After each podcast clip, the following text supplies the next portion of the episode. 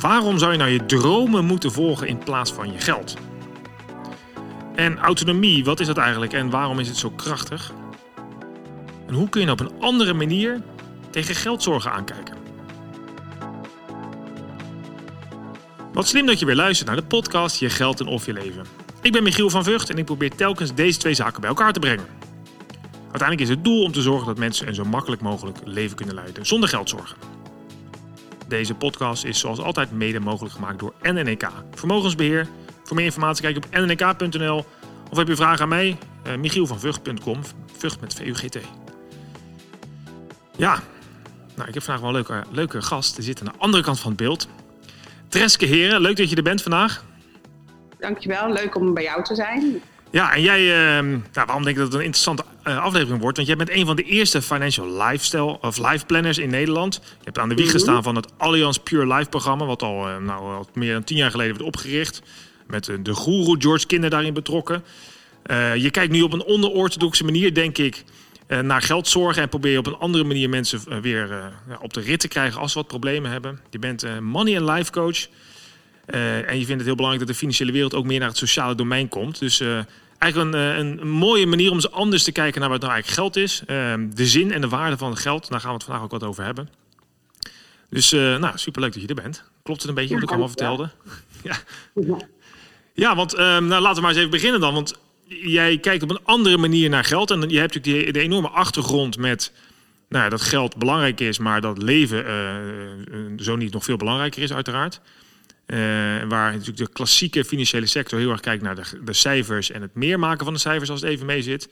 Heb jij toch een andere, nou ja, ook een andere tak daarnaast uh, zeg maar, uh, opgezet? Of kijk je er anders naar? Vertel eens. Ehm, nou, voor mij is het allemaal begonnen. Ik kom oorspronkelijk uit de marktonderzoekwereld. en eigenlijk de nieuwsgierigheid naar de mens loopt als een rode draad door mijn leven. Um, ik ben vanuit het marktonderzoek ben ik in de financiële wereld terechtgekomen. Ik heb inderdaad een 14 jaar geleden uh, George Kinder leren kennen en uh, samen met Allianz uh, bezig geweest met Pure Life. om met name te kijken, wat wil je nou eigenlijk met je leven en hoe zou je daar een financieel invulling aan moeten geven. Um, uh, ik ben uiteindelijk voor mijzelf begonnen. Uh, ik heb de opleiding gedaan uh, bij George Kinder voor mezelf begonnen. En um, op een gegeven moment was ik toch nog meer nieuwsgierig naar dat mens zijn. Dus ik heb de opleiding gedaan aan de Academie voor Integrale Menswetenschappen. En in die tijd ook het bedrijf Wij zijn Water, Morning and Life Coaching opgezet. Dat heb ik een aantal jaar voor die particuliere sector gedaan. En dat was echt heel interessant om te kijken, ehm, ja, maar wat wil iemand nou met zijn leven? Gaat het nou eigenlijk over? En dan pas te kijken van hoe ga je dat dan invulling aangeven? En dan is geld één van de middelen. Niet altijd het middel, maar één van de middelen. Um, en toen kwam ik eigenlijk achter dat in het sociaal domein, dus mensen die weinig of geen financiële armslag hebben, uh, zij vaak verre van hun diepere verlangen weg zijn. Want ze worden zo overroeld door allerlei problemen. Hè, want het zijn niet alleen de financiële problemen, vaak opvoedkundige problemen, vaak problemen rondom huisvesting, rondom stress, nou noem alles maar op. Um, en ik kwam er zo langzaam achter dat in Nederland we eigenlijk ook daar alleen maar de hokjesgeest hebben. Mhm. Heb je financiële problemen, dan ga je naar de, het wijkteam of naar de kredietbank. Uh, heb je stress, of uh, hè, dan ga je naar de huisarts of uiteindelijk naar een GGZ. Uh, eh, nou, noem maar, hè, heel erg in die hokjesgeest. En eigenlijk was er niemand die naar het holistische geheel van de mens keek. Um, en eigenlijk is dat wat ik al in die, voor die particuliere sector deed als Morning and Life coach. Ja. En ben ik uh, uiteindelijk in aanraking gekomen met een van de gemeentes hier in Friesland en met de Universiteit Twente, met de afdeling positieve psychologie. En samen met hen hebben we met, als, als een triade uh, uh, hebben we een, een onderzoek opgezet, een project, pilotproject opgezet en dat heette de geluksroute. Dus we zijn uitgegaan van het welbevinden van de mens, van ja. wat wil je met je leven en dan te kijken, oké, okay, hoe ga je daar invulling aan geven?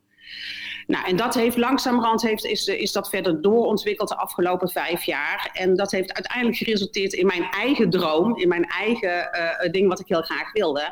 En wij hebben sinds deze zomer in een winkelunit, in de winkelpassage in, in Bilgaard, een van de oude vogelaarwijken in Leeuwarden. Dus ook echt een wijk waar heel veel speelt, hebben we de Drimfabriek geopend.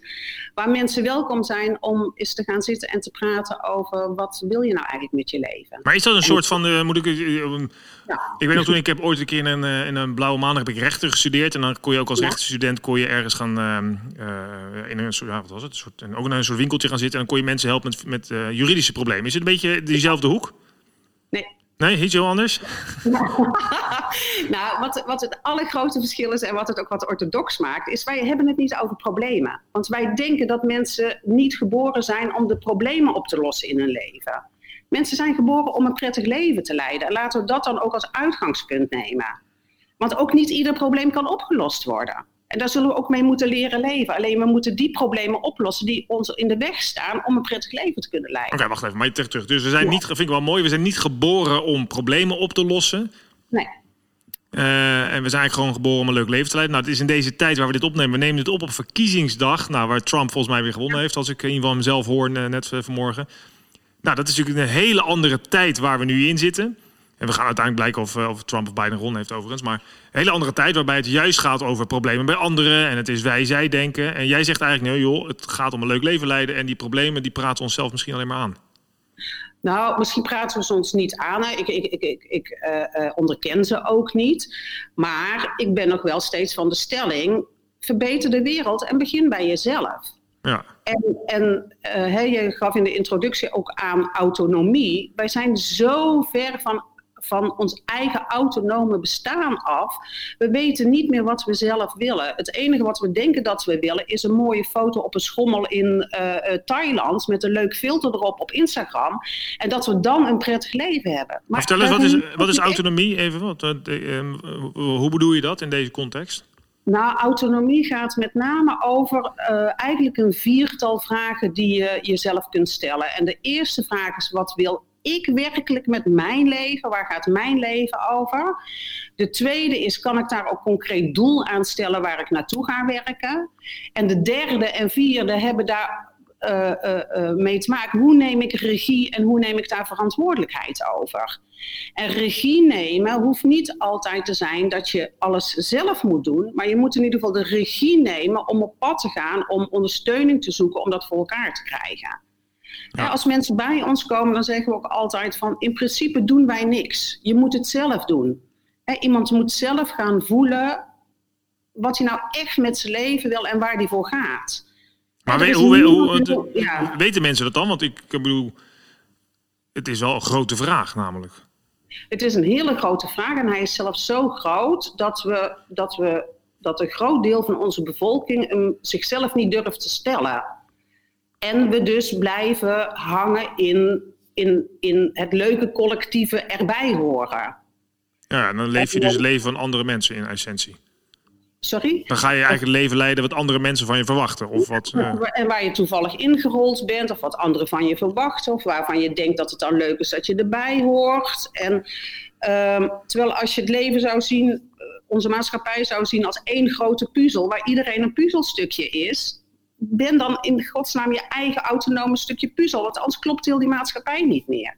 Oké, maar dat is een mooie. Want hoe begin je daar dan? Want mensen komen bij jou binnen en zeggen, nou, uh, ja, uh, die gaan zitten en die zeggen, ja, ik zag deze winkel, leek me waardig. Uh, vertel eens. En dan, ja, dan zeg jij, goh, wat wil je eigenlijk in het leven? Of hoe...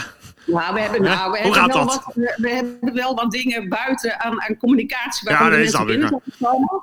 En, en, bovendien, mensen komen inderdaad spontaan binnen. Want die vinden het toch wel heel interessant om te denken... jeetje, de Dreamfabriek, hè, wat, wat, wat, wat is dat nou? Maar mensen worden ook doorverwezen door wijkteams... door kredietbank, worden doorverwezen door de gemeente... door de afdeling bijstand. Hè, de, dat, dat, dat is de doelgroep waar wij heel graag voor, uh, voor werken.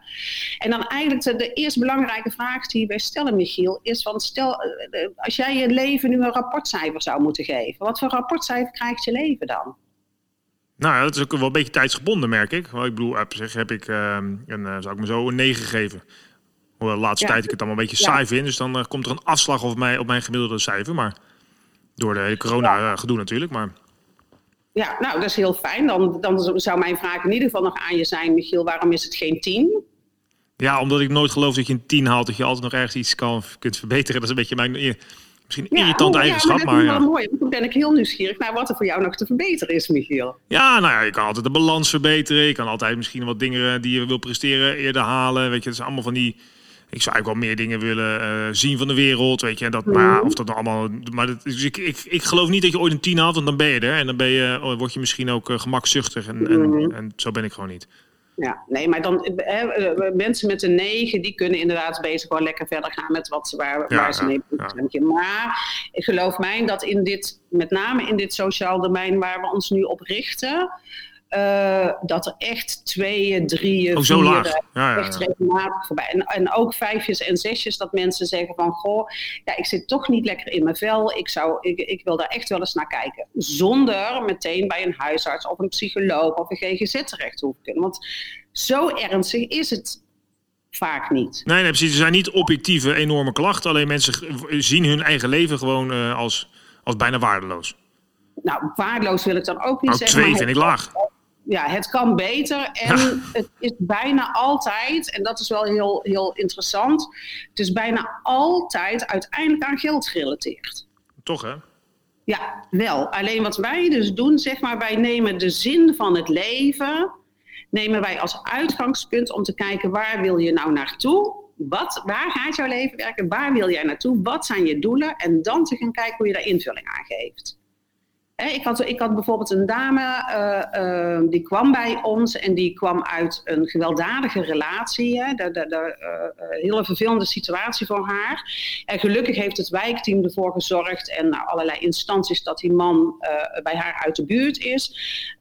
een alleenstaande moeder in bijstand met drie kinderen. En we hebben gekeken naar wat haar, wat haar verlangen was. En toen zei ze ook van, Tres, ik zou echt eens een keer nu weer in mijn leven gewoon alleen maar eens plezier willen hebben zonder dat ik me zorgen hoef te maken. En gewoon alleen maar fun te hebben. En dan het liefste met mijn zus, met de kinderen. En uh, was overigens nog uh, voor alle coronaperikelen.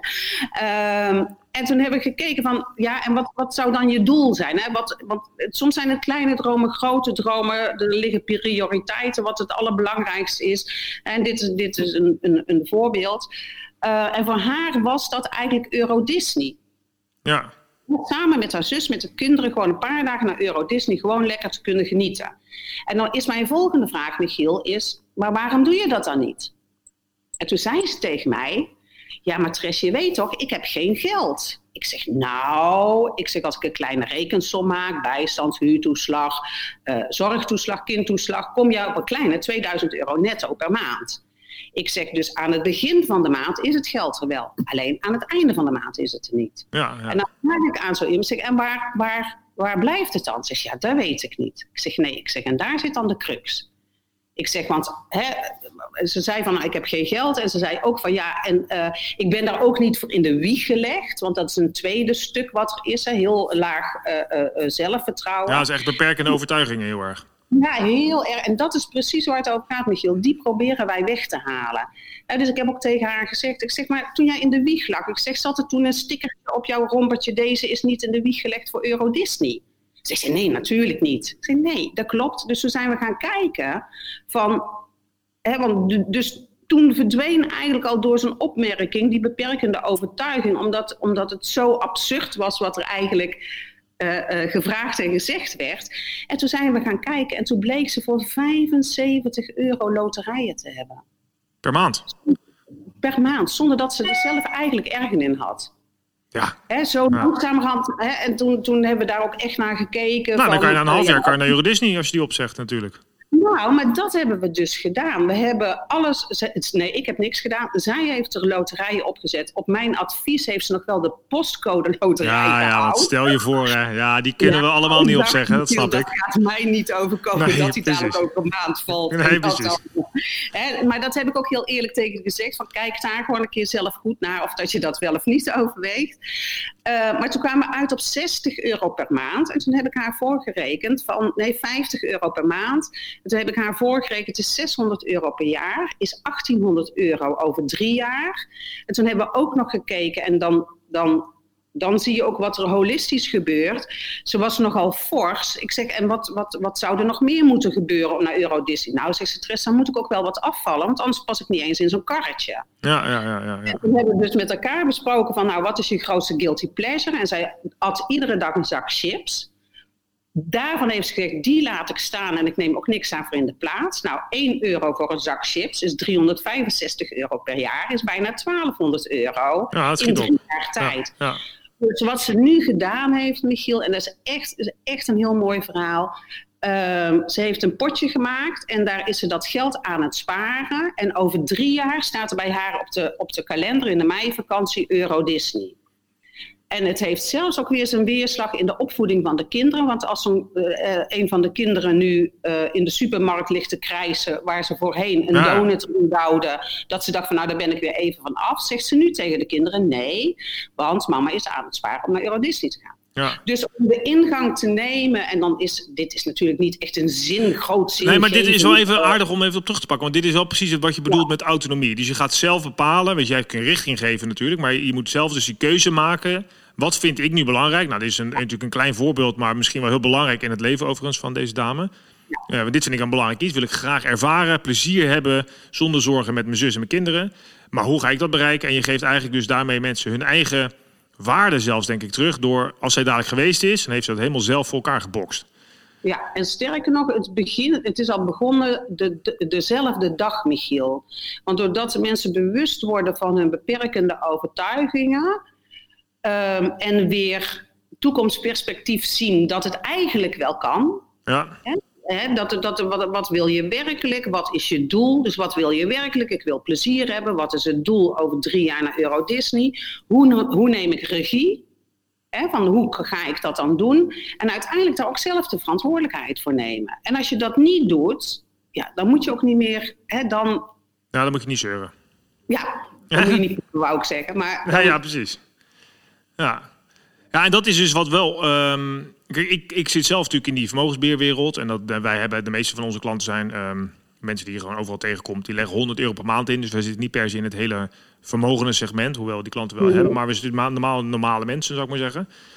Ehm, en daar zie je wel dat vanuit de financiële planning, hè, daar ben je zelf ook bij betrokken, vanuit Allianz, zie je natuurlijk wel dat daar al, hier al veel meer aan nadruk op legt. Maar er zijn wel mensen die dus eigenlijk buiten het sociaal domein zitten, die, ja, ja, die dus minder geldzorgen hebben en misschien hun leven ook wel met een 6 of een 7 of een 8 waarderen. Daar is al meer, misschien zelfs cognitieve ruimte om na te denken over wat wil ik nou met mijn leven. En jij eigenlijk volgens mij zegt, ja, het hangt juist, je moet ook naar die onderkant kijken. Daar moet je ook de, als financiële sector eh, je ogen op, op, eh, op, eh, op Ja, richten. ik denk dat dat, dat en, en, en dat is echt waar ik op dit moment ook, ook, ook in mijn netwerk hard mee bezig ben, Michiel. Wij weten, de, eh, cognitief weet de financiële sector zoveel. En het sociaal domein, de gemeente en, en beleidsmakers en noem alles maar op. Die zitten allemaal zo vanuit hun eigen bestuurlijke ogen te kijken. ehm, en, en denken aan hele andere oplossingen. En ik, ik, ik vind het zo fijn dat ik die twee werelden samen kan brengen. De samenwerking die ik nu hier heb met de gemeente Leeuwarden, met de afdeling werk, eh, met een aantal consulenten, met mensen in de bijstand. Ja, ik praat nu bijvoorbeeld met iemand die, eh, die is doorgestuurd omdat hij in een opstaptraject naar werk eh, gewoon zijn gedachten er niet bij kan houden. En, en, hè, en hij haakt iedere keer af. En, nou ja, nou komen we er toch wel achter door een gesprek bij ons dat eigenlijk zijn allergrootste droom is om weer een keer zijn moeder en zijn kinderen te kunnen zien die op dit moment op de Antillen verblijven. En hij hier in Nederland eigenlijk heel erg alleen en eenzaam is. Ja, ja. En wat, wat hij oplost met middelgebruik en wat hij oplost met verkeerde vrienden en wat hij oplost met niet op dat werk te komen dagen. En omdat we naar zijn kern toe gaan, zijn verlangen om, om weer zijn moeder eh, te kunnen knuffelen en zijn kinderen te kunnen knuffelen, gaat er een hele andere wereld weer voor hem open. Dus we zijn ook bij hem financieel nu aan het kijken van hoe krijg je het nou voor elkaar om voor een ticket of voor je moeder naar Nederland te laten komen of zelf daar naartoe Ja, te ja, kunnen. ja, precies. Ja. Hè, maar dat, dat toekomstperspectief dat het wel kan, bij ons is niet gauw iets een nee, Michiel. Ja, ja dus, en het is dus heel erg die. Uh, ja, nadenken en wat wil je nou eigenlijk? Dat is een heel belangrijk aspect. Maar daarmee ook mensen wel de, de mogelijkheid of de hoop geven dat het realiseerbaar is. Ja, en dan wel op een realistische manier. We hebben ook mensen, we hebben nu iemand die zit uh, uh, in de bijstand en die heeft een, een gemeentefraude, want hij, hij heeft er wat bij geklust en de gemeente is erachter gekomen. Dus dan krijg je fraude en een dikke boete, dus daar staat een flinke dikke schuld. En die is eigenlijk bij ons gekomen dat hij de droom had om voor zichzelf te beginnen. Ja, ja, ja. En, en, nou, en daar zijn we heel serieus mee omgegaan, Michiel. Want het was zijn droom, het was wat hij wilde. En van de week is hij gekomen en heeft gezegd... Treske, ik denk dat het heel belangrijk is dat ik nog even het parkeer. Hij zegt, totdat ik weet hoe het verder afloopt met die fraude. Hij zegt, ik heb twee kleine kinderen van vijf en zeven jaar. De moeder is uit beeld. Hij moet voor die kinderen zorgen. Hij zegt, ik wil het echt nog gaan doen, maar ik ga er langer de tijd voor nemen. En ik wil pas over anderhalf jaar, als er meer duidelijk is, wil ik daarna gaan kijken. Ja, ja, precies. Wat er gebeurt, is dat hij zoveel rust krijgt dat het niet per se nu allemaal moet, maar dat hij zoveel rust krijgt van het kan wel, maar ik parkeer het even. Ja, het is zijn eigen beslissing, dat is weer autonomie. En, die, ja, en het is zijn beslissing. Want ja.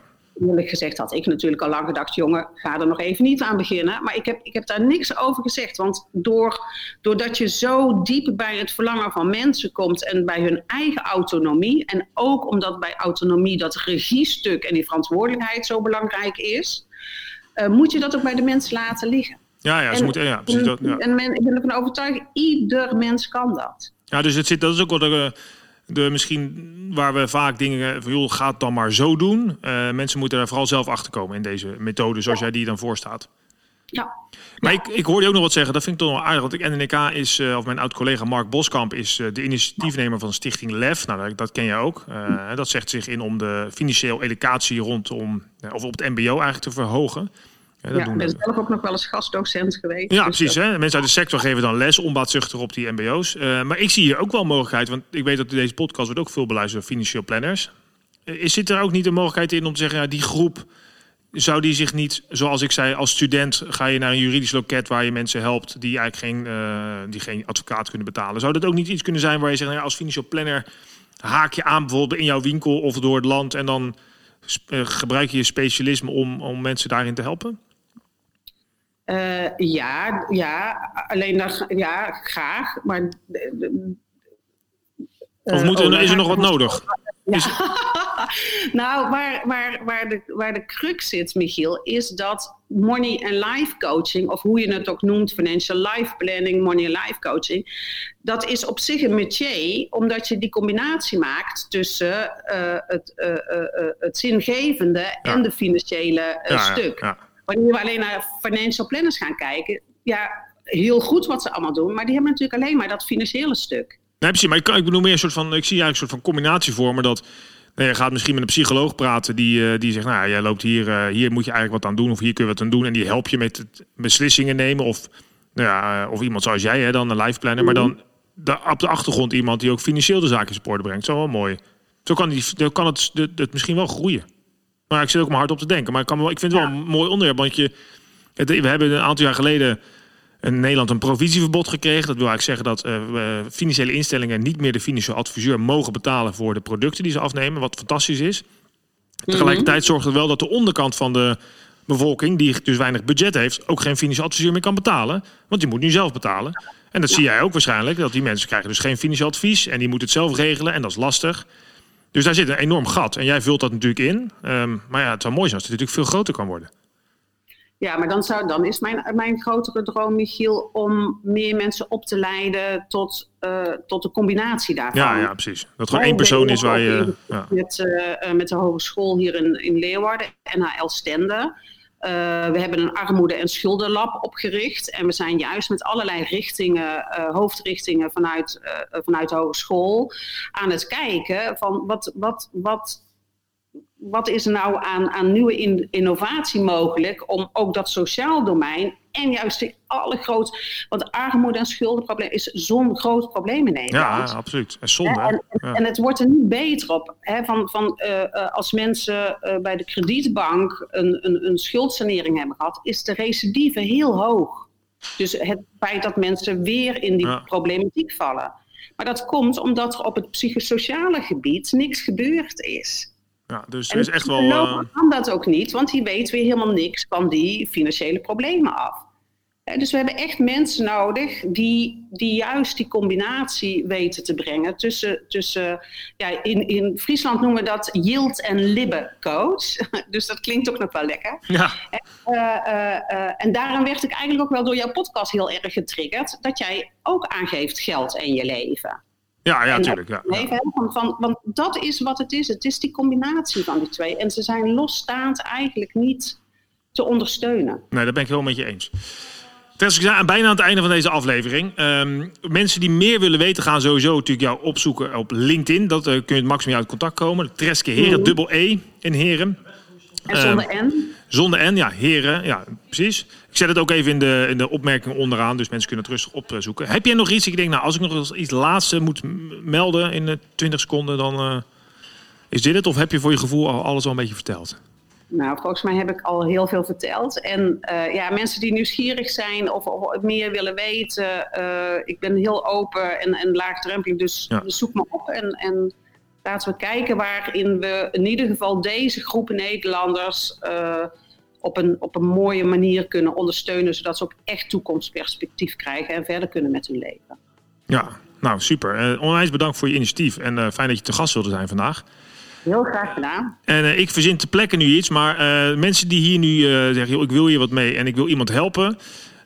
stuur mij een berichtje, dan krijg je van mij als cadeautje de eerste twee mensen die dat doen. Mijn boek Je Geld en Of Je Leven gratis en voor niks op mijn kosten. Misschien helpt dat voor de mensen die jij in je omgeving kent die iets anders moeten met hun leven. Uh, benader mij vooral of zoek Tresco op als je uh, zelf in de financiële problemen zit of niet precies weet waar je staat. Je geeft je leven een laag cijfer. Ik weet zeker dat Tresco of iemand anders je kan helpen. Uh, bedankt voor het luisteren. Ik kijk uit naar weer een nieuwe aflevering volgende week. En uh, fijne dag verder.